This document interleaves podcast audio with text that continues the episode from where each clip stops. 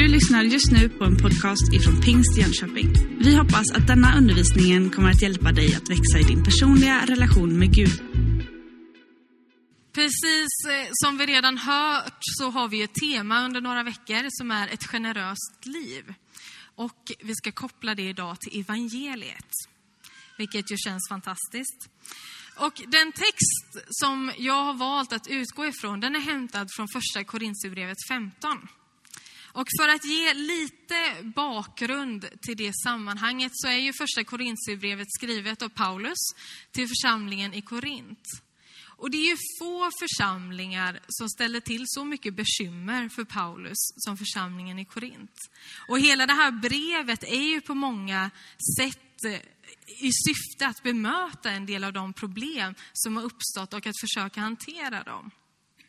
Men kapitel 15 som vi ska röra oss mest i idag, där besvarar Paulus en stor del frågor som rör uppståndelsen. Att Jesus har uppstått från de döda och vad det får för konsekvenser. Och det är värt att notera att första Korinthierbrevet börjar med att Paulus behandlar frågor vad gäller Jesus korsfästelse och avslutar brevet med frågor om uppståndelsen. På så vis ryms alla de här problemen som också hanteras däremellan, mellan det som är det viktigaste, det som är kärnan, Jesus död och hans uppståndelse. Sen kan det vara lite emellan, men det är det som är liksom det viktiga. Det är det som blir utgångspunkten för alltihopa. Och vi ska läsa tillsammans från första Korintierbrevet 15, verserna 1 till 11. Om ni har er bibel så slå gärna upp det, annars finns det på skärmarna också. Bröder, jag vill påminna er om evangeliet som jag predikade för er, som ni tog emot och som ni står fasta i. Genom evangeliet blir ni frälsta, om ni håller fast vid ordet som jag förkunnade. Annars var det ingen mening med att ni kom till tro. Jag förde vidare till er det allra viktigaste, vad jag själv har tagit emot. Att Kristus dog för våra synder enligt skrifterna, att han blev begravd, att han uppstod på tredje dagen enligt skrifterna och att han visade sig för Kefas och sedan för de tolv. Därefter visade han sig för mer än 500 bröder på samma gång. De flesta av dem lever än, även om några har insomnat. Sedan visade han sig för Jakob och därefter för alla apostlarna. Allra sist visade han sig också för mig, som för ett ofullgånget foster. Jag är ju den minste av apostlarna, inte värd att kallas apostel eftersom jag har förföljt Guds församling. Men genom Guds nåd är jag vad jag är. Och hans nåd mot mig har inte varit förgäves, utan jag har arbetat mer än alla de andra, fast inte jag själv, utan Guds nåd som varit med mig. Och vare sig det nu var jag eller de andra, så är det detta vi förkunnar och detta ni har kommit till tro på.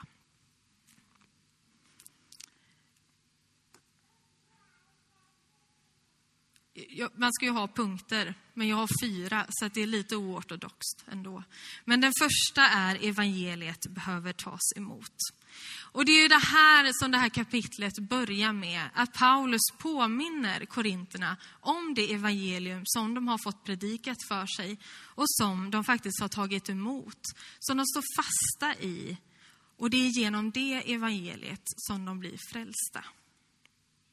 Vad detta evangelium i grunden utgörs av, det sammanfattar ju Paulus i vers 3 4.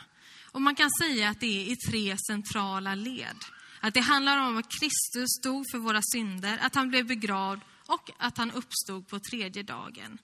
Det är liksom den kortfattade summeringen av det här budskapet som korintierna just hade fått predikat för sig och faktiskt tagit emot. Men också att de håller fast vid det. Och jag tänker att det sammanfattar lite hur det får vara för oss allihopa. Det börjar ju med att vi hör något förkunnas för oss. Vi hör det här budskapet talas till oss. Vi väljer att ta emot det i våra liv. Men sedan kommer fortsättningen då vi också behöver hålla fast vid det. Evangeliet tror jag skapar en grund och en trygghet faktiskt i våra liv som bär genom alla livets omständigheter och faktiskt ända in i himlen en dag. Men jag tror att vi också kan behöva påminna oss om det, precis som Paulus påminner korintierna. För att kunna fortsätta att stå fasta i det, för att evangeliet faktiskt fortsatt ska vara verksamt i våra liv, så kan vi behöva påminna oss om det. Någon lär ha sagt att en anledning till att den här personen går på gudstjänst varje söndag, det är för att han behöver påminnas om att det faktiskt är sant. Att det faktiskt är sant att frälsningen är aktuell. Att Jesus lever idag, att det är på riktigt. Att någonstans för att kunna hålla fast vid det där så behöver man höra det om och om igen. För visst är det så att det nästan kan bli lite overkligt för oss ibland. Och när vi tänker efter så är det ju nästan helt ofattbart att Gud älskade den här världen så mycket med alla den rymmer, att han valde att sända sin enfödde son. För att var och en som tror på honom inte ska gå under utan ha evigt liv. Ordet evangelium betyder ju glädjebudskap. Och tänk vilket glädjebudskap det är. Att vi får försonas med Gud. Vi kan aldrig förtjäna frälsningen. Oavsett hur bra vi kanske tycker att vi är, så kan vi inte det. Utan det är en gåva som vi får ta emot. Och tänk vilket generöst evangelium det faktiskt är. Så pass generöst att jag tror att vi ständigt behöver påminna oss om det för att det ska fortsätta att vara verksamt i våra liv och för att vi ska kunna hålla fast det vid det. Men då behöver vi först ta emot det. Vi behöver ta emot evangeliet och säga ja, nej men det här vill jag tro på. Vers 2 så skrev ju Paulus så här att genom evangeliet blir ni frälsta om ni håller fast vid ordet som jag förkunnade. Annars var det ingen mening med att ni kom till tro. Det andra jag tänkte säga är att evangeliet är tänkt att ges vidare. I vers 3 i den summering som Paulus gör av evangeliets budskap så skriver han så här. Jag förde vidare till er det allra viktigaste, det jag själv tagit emot. Det verkar som att det finns någonting vad gäller budskapet om Jesus Kristus, evangeliumet, att det är någonting som ska predikas, det är någonting som ska tas emot, det är någonting man ska hålla fast vid. Men det är också någonting som ska ges vidare till andra människor. Precis som vi får motta ett generöst evangelium så tror jag att vi också ska vara generösa i att ge det vidare till andra människor. Att berätta om vad vi tror på, vad vi har här inne, vad vi har fått uppleva, vad vi har fått ta emot. Att ge det vidare till någon annan. Att inte bara ta emot det och påminna oss om det, utan också att ge det vidare. Och visst vet vi att det är så att när vi upptäcker någonting som vi tycker är riktigt bra, då vill vi gärna berätta om det för andra människor. Det kan ju handla om de här telefonapparna som vi tycker är kanon, som vi har hittat, som vi berättar och pratar om vid fikarasten. Eller så kan det handla om det här jättebra mellanmålet för småbarnsfamiljer som vi delar med andra barnfamiljer. Eller vilka broddar som faktiskt är bäst att ha nu när det är kallt ute och halt. För vi vill liksom att det som vi har upptäckt, som vi tycker är så bra och funkar så bra, att andra också ska få veta om det. Så därför pratar vi om det. Och tänk om det kunde vara lite mera så också vad gäller evangeliet som vi har fått ta emot. Att vi faktiskt är lite, att vi delar det, att vi berättar om vad vi har fått ta emot. Att jag tycker att det är så fantastiskt att jag varje morgon får be till Gud och jag upplever en trygghet och en frid i att han är med mig. Om det är så, tänk om jag skulle berätta det lite mer. Eller det där bibelordet som fick vara till uppmuntran. Att få dela det. För att jag har upptäckt någonting med Gud som jag tycker är så fantastiskt. På olika sätt få kommunicera och föra vidare det där som Paulus benämner som det allra viktigaste.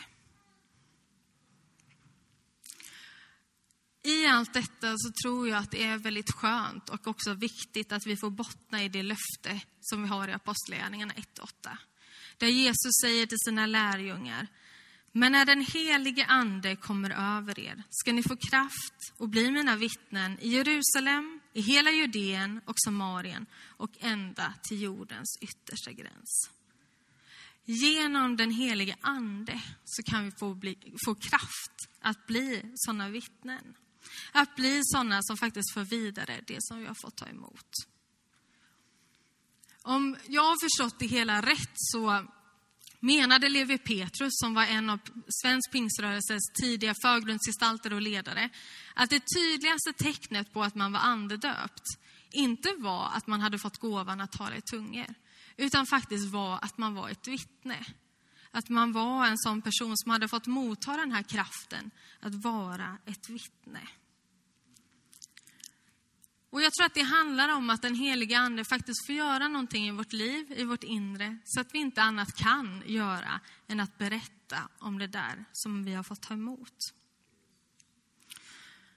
Och det är inte heller ovanligt att vi upptäcker att, att ett bibelord som vi har läst på morgonen faktiskt kommer till nytta senare under dagen i ett samtal. Att det där får funka i vårt liv, att det vi tar emot, det får vi också ge vidare. Men då måste vi också ta emot någonting för att också kunna ge någonting.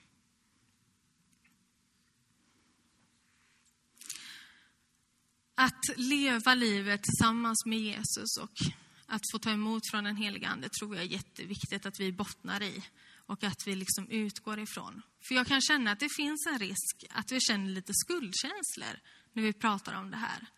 Att vi tycker att vi borde ju göra mer än vad vi gör. Och något som har hjälpt mig att hantera de känslorna, det är att påminna mig om detta som är det viktigaste, att jag måste bottna i min relation till Jesus. Att jag i första hand får ta emot och låta honom göra någonting i mitt liv. Att det är utgångspunkten och det är det som liksom får skapa den där drivkraften och motivationen att faktiskt också ge vidare någonting annat. Men då behöver jag också skapa utrymme för Gud i mitt liv. Författaren och eh, predikanten Bill Hybels, han skrev så här i en av sina böcker. Att vi har höjt våra röster för att nationen åter ska vända sig till Gud. Ändå får våra dagliga aktiviteter och förehavanden oss att rusa för, före den Gud vi menar oss tillbe. Och vi finner oss fångade på ett sätt som försvagar vårt andaktsliv och rubbar vår andliga disciplin. Mycket av vår evangelisation har ursprung i skuldkänslor vår andliga tjänst utgörs ofta från fel grunder. Och sedan undrar vi varför vi saknar entusiasm.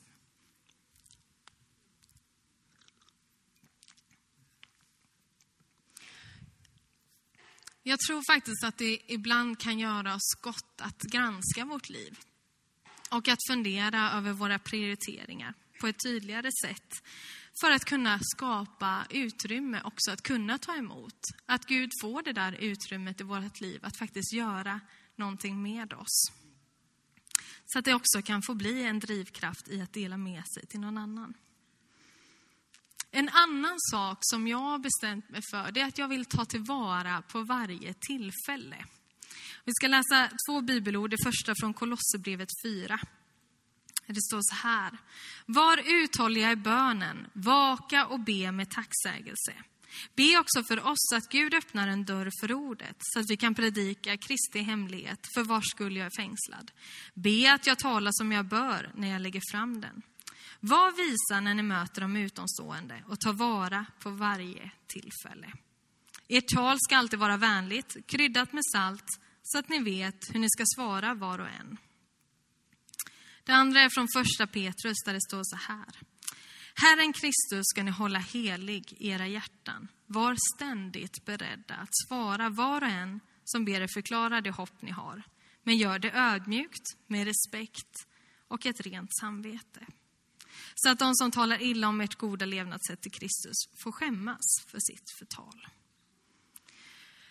Det handlar både om bönen, att leva i den där dialogen med Gud, men också att vara visa och att ta tillvara på varje tillfälle.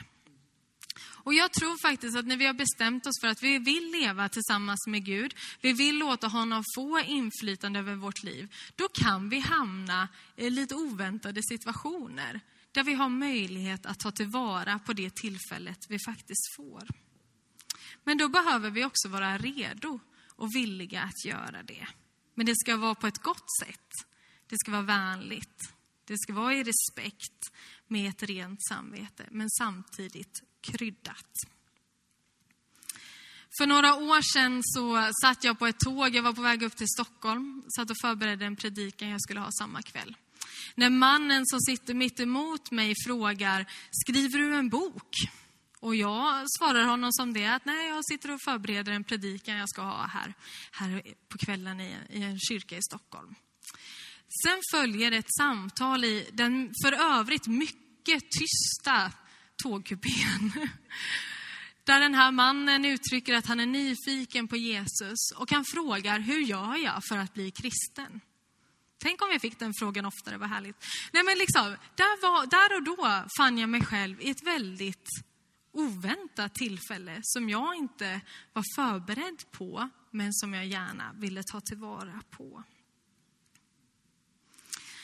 Vad gäller att vara beredd att förklara det hopp vi har, som, som Petrus uttrycker det, så tror jag att det faktiskt kan göra oss gott att förbereda oss lite, att tänka igenom detta. Hur kan jag förklara det? Hur kan jag uttrycka det? I den missionskurs, Testamission, som jag jobbar med så får eleverna en uppgift just att hitta ett antal bibelord kring olika saker. Om någon vill komma till tro, om någon vill låta döpa sig och en mängd olika saker. Och så ska de hitta olika bibelord som de tycker förklarar det och skriva upp dem. Och de behöver många bibelord, för dels kan man ju tycka lite olika vad passar mig att lägga fram, men också att det är olika människor vi möter. Det kanske är något bibelord som passar bättre in på deras situation. Och sen så ska de sammanställa det i en lista som vi säger, ha det nära er nu. Så att ni är redo att plocka fram den när ni möter en människa. Till dess ni kan det utan till. Då behöver ni ingen lista. Men att göra det konkret, att faktiskt förbereda sig. Hur kan jag förklara det hopp som jag har fått ta emot och som jag har i mitt liv? Och kanske kan just en kombination av detta, att leva tillsammans med Jesus och genom den heliga Andes kraft få vara vittnen, tillsammans med att ta tid för att förbereda oss, att sätta oss in i Guds ord, bli en hjälp i att faktiskt vara generösa och ge vidare det som vi själva har fått ta emot. En tredje sak jag vill säga det är att evangeliet till den som är långt borta. Och det är för att jag tror att det är viktigt att i vårt uppdrag som Jesu lärjungar ingår det inte bara att vara generös med evangeliet till dem vi möter, det är en jätteviktig del, men också att ge evangelium vidare till dem som ännu inte har fått chans att höra. När den heliga Ande kommer över oss så ska vi få kraft att bli vittnen, inte bara i vår hemstad, utan ända till jordens yttersta gräns. Jesus han lämnade sina lärjungar med ett uppdrag att gå ut i hela världen och göra alla folk till lärjungar. Att faktiskt göra det där glädjebudskapet tillgängligt, både för de som är nära men också för de som är långt borta. Ett budskap som riktar sig till hela människan, ande, kropp och själ, i hela världen. Och jag är jätteglad över att få tillhöra en församling som faktiskt lever med det perspektivet. Att både här, men också där. Och vara villig att finnas på platser där det kanske inte finns någon annan som annars skulle kunna förkunna detta. Som både ger mat till de som svälter och på olika sätt försöker förkunna och förmedla det glada budskapet som vi har fått ta emot. En av våra församlingsmissionärer heter Marion Pettersson och hon jobbar i Burundi med en utsatt folkgrupp där. Hon uttryckte det så här vid ett tillfälle. Det stora målet, det är ju att vi ska få med dem till himlen. Men på vägen dit vill vi att de ska ha det bättre. Jag tycker det är ganska fint. Hon är där nu förresten. Och jag gläds också över att vi som församling faktiskt står i ett läge att sända människor till platser där evangeliet verkligen behöver förkunnas. Och att vi på så vis lever liv både på individnivå men också på församlingsnivå där vi är generösa med att dela med oss av det glada budskapet både till dem som är nära och till dem som är långt borta. Vi ska gå tillbaka lite till texten i första Korinthierbrevet 15. Genom Guds nåd är jag vad jag är. I det här sammanhanget vi läste så räknar Paulus upp ett antal människor som var vittnen till uppståndelsen, som hade mött Jesus när han hade uppstått. Och i raden av de här vittnena så avslutar Paulus med att han också uppenbarat sig för honom. Och han uttrycker tre, eller han använder tre uttryck för att visa att han menar att han var ovärdig det mötet. Han talar om att han var ett oförgånget ofullgånget foster, den allra minsta av apostlarna, inte värdig att kallas apostel. Och det här första uttrycket, det kunde ibland användas av judarna för att beskriva någon som stod i en högst olycklig eller hopplös situation. Och Paulus han liknar ju sig själv vid ett, ett för tidigt fött foster. Ett andligt kuvösbarn på något sätt som, som lever bara genom ett mirakel. Hans ovärdighet det understryks ytterligare av det andra uttrycket, den allra minste av apostlarna. Och det kan vara en anspelning på Paulus namn som betyder den lille. Och han är enligt det tredje uttrycket inte värdig att kallas apostel. Och denna känsla liksom av ovärdighet motiveras ytterligare av att han säger att jag för, har förföljt Guds församling. Även i Galaterbrevet så talar Paulus om sig själv som någon som har förföljt Guds församling. Och han skriver i vers 15 16. Men han som utvalde mig redan i moderlivet och som kallade mig genom sin nåd beslöt att uppenbara sin son i mig för att jag skulle förkunna evangeliet om honom. Paulus har genom Guds nådefulla ingripande förvandlats från att vara en nitisk Kristus förfölj eller förföljare av Kristus troende till att bli en ivrig förkunnare av den uppståndne Jesus.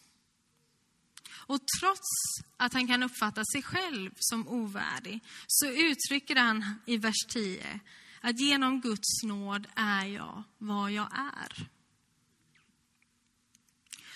Paulus kallelse och frälsning faller helt och hållet tillbaka på att Gud har gripit in på grund av sin nåd. I första Timoteusbrevet 1, 13-14 så skriver han, men jag mötte förbarmande därför att jag handlade i min okunnighet, i min otro. Vår Herres nåd har överflödat med tro och kärlek i Kristus Jesus. Den här insikten om Guds nåd, det blir inte bara startpunkten för något nytt i Paulus liv, utan det blir helt avgörande för hans kallelse.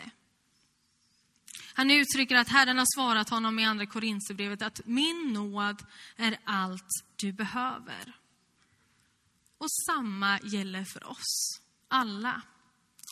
Oavsett hur livet sett ut eller hur ovärdiga vi kan uppfatta oss själva att vara, så räcker Guds nåd. Och vi är alla tacksamma mottagare av den nåden. Att få tjäna Gud, det är bara nåd. Och jag tror att det är där vi måste landa. Att berätta, det är inte ett tvång. Utan det är en respons på att Gud är så god att jag vill berätta om vem han är och låta honom få öppna människors hjärtan. Guds nåd och evangelium är således inte något som gör oss passiva, utan det är faktiskt själva motivationen och drivkraften i Paulus tjänst som vi kan se. Han säger i vers 10 att hans nåd mot mig har inte varit förspild. Jag har arbetat mer än någon av dem. Fast inte jag själv, utan Guds nåd som har varit med mig. Och jag tror att här ligger lite av den hemligheten i Paulus iver att förkunna. Att han faktiskt har fått förbli den där mottagaren av Guds nåd. Och att det får vara som ett bränsle i en motor, att det får vara som energi och näring till kroppen. Det är inte någonting som vi tar emot en gång och sen var det det, utan det är någonting som får vara en drivkraft. Att vi får vara mottagare av Guds nåd. Vi kan tycka att vi är ovärdiga, för det är vi ju på sätt och vis. Men vi är de vi är på grund av Guds nåd. Och det gör någonting med oss om vi låter det göra det. Och det kan få bli en drivkraft och en motivation. Ulrik Josefsson som vi sitter här också. Han är ordförande i vår församling.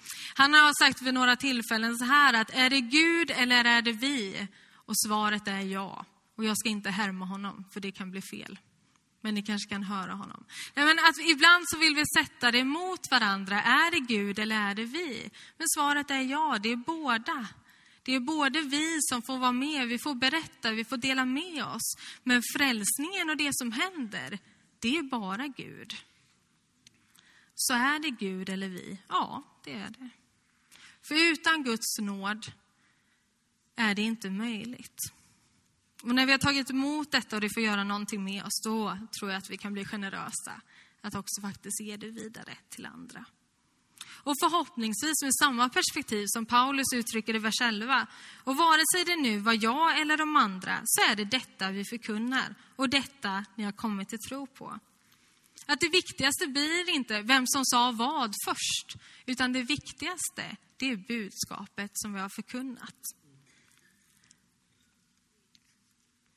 Och där är min bön att vi får vara sådana människor, att vi får vara sådana som både tar emot men också som ger vidare.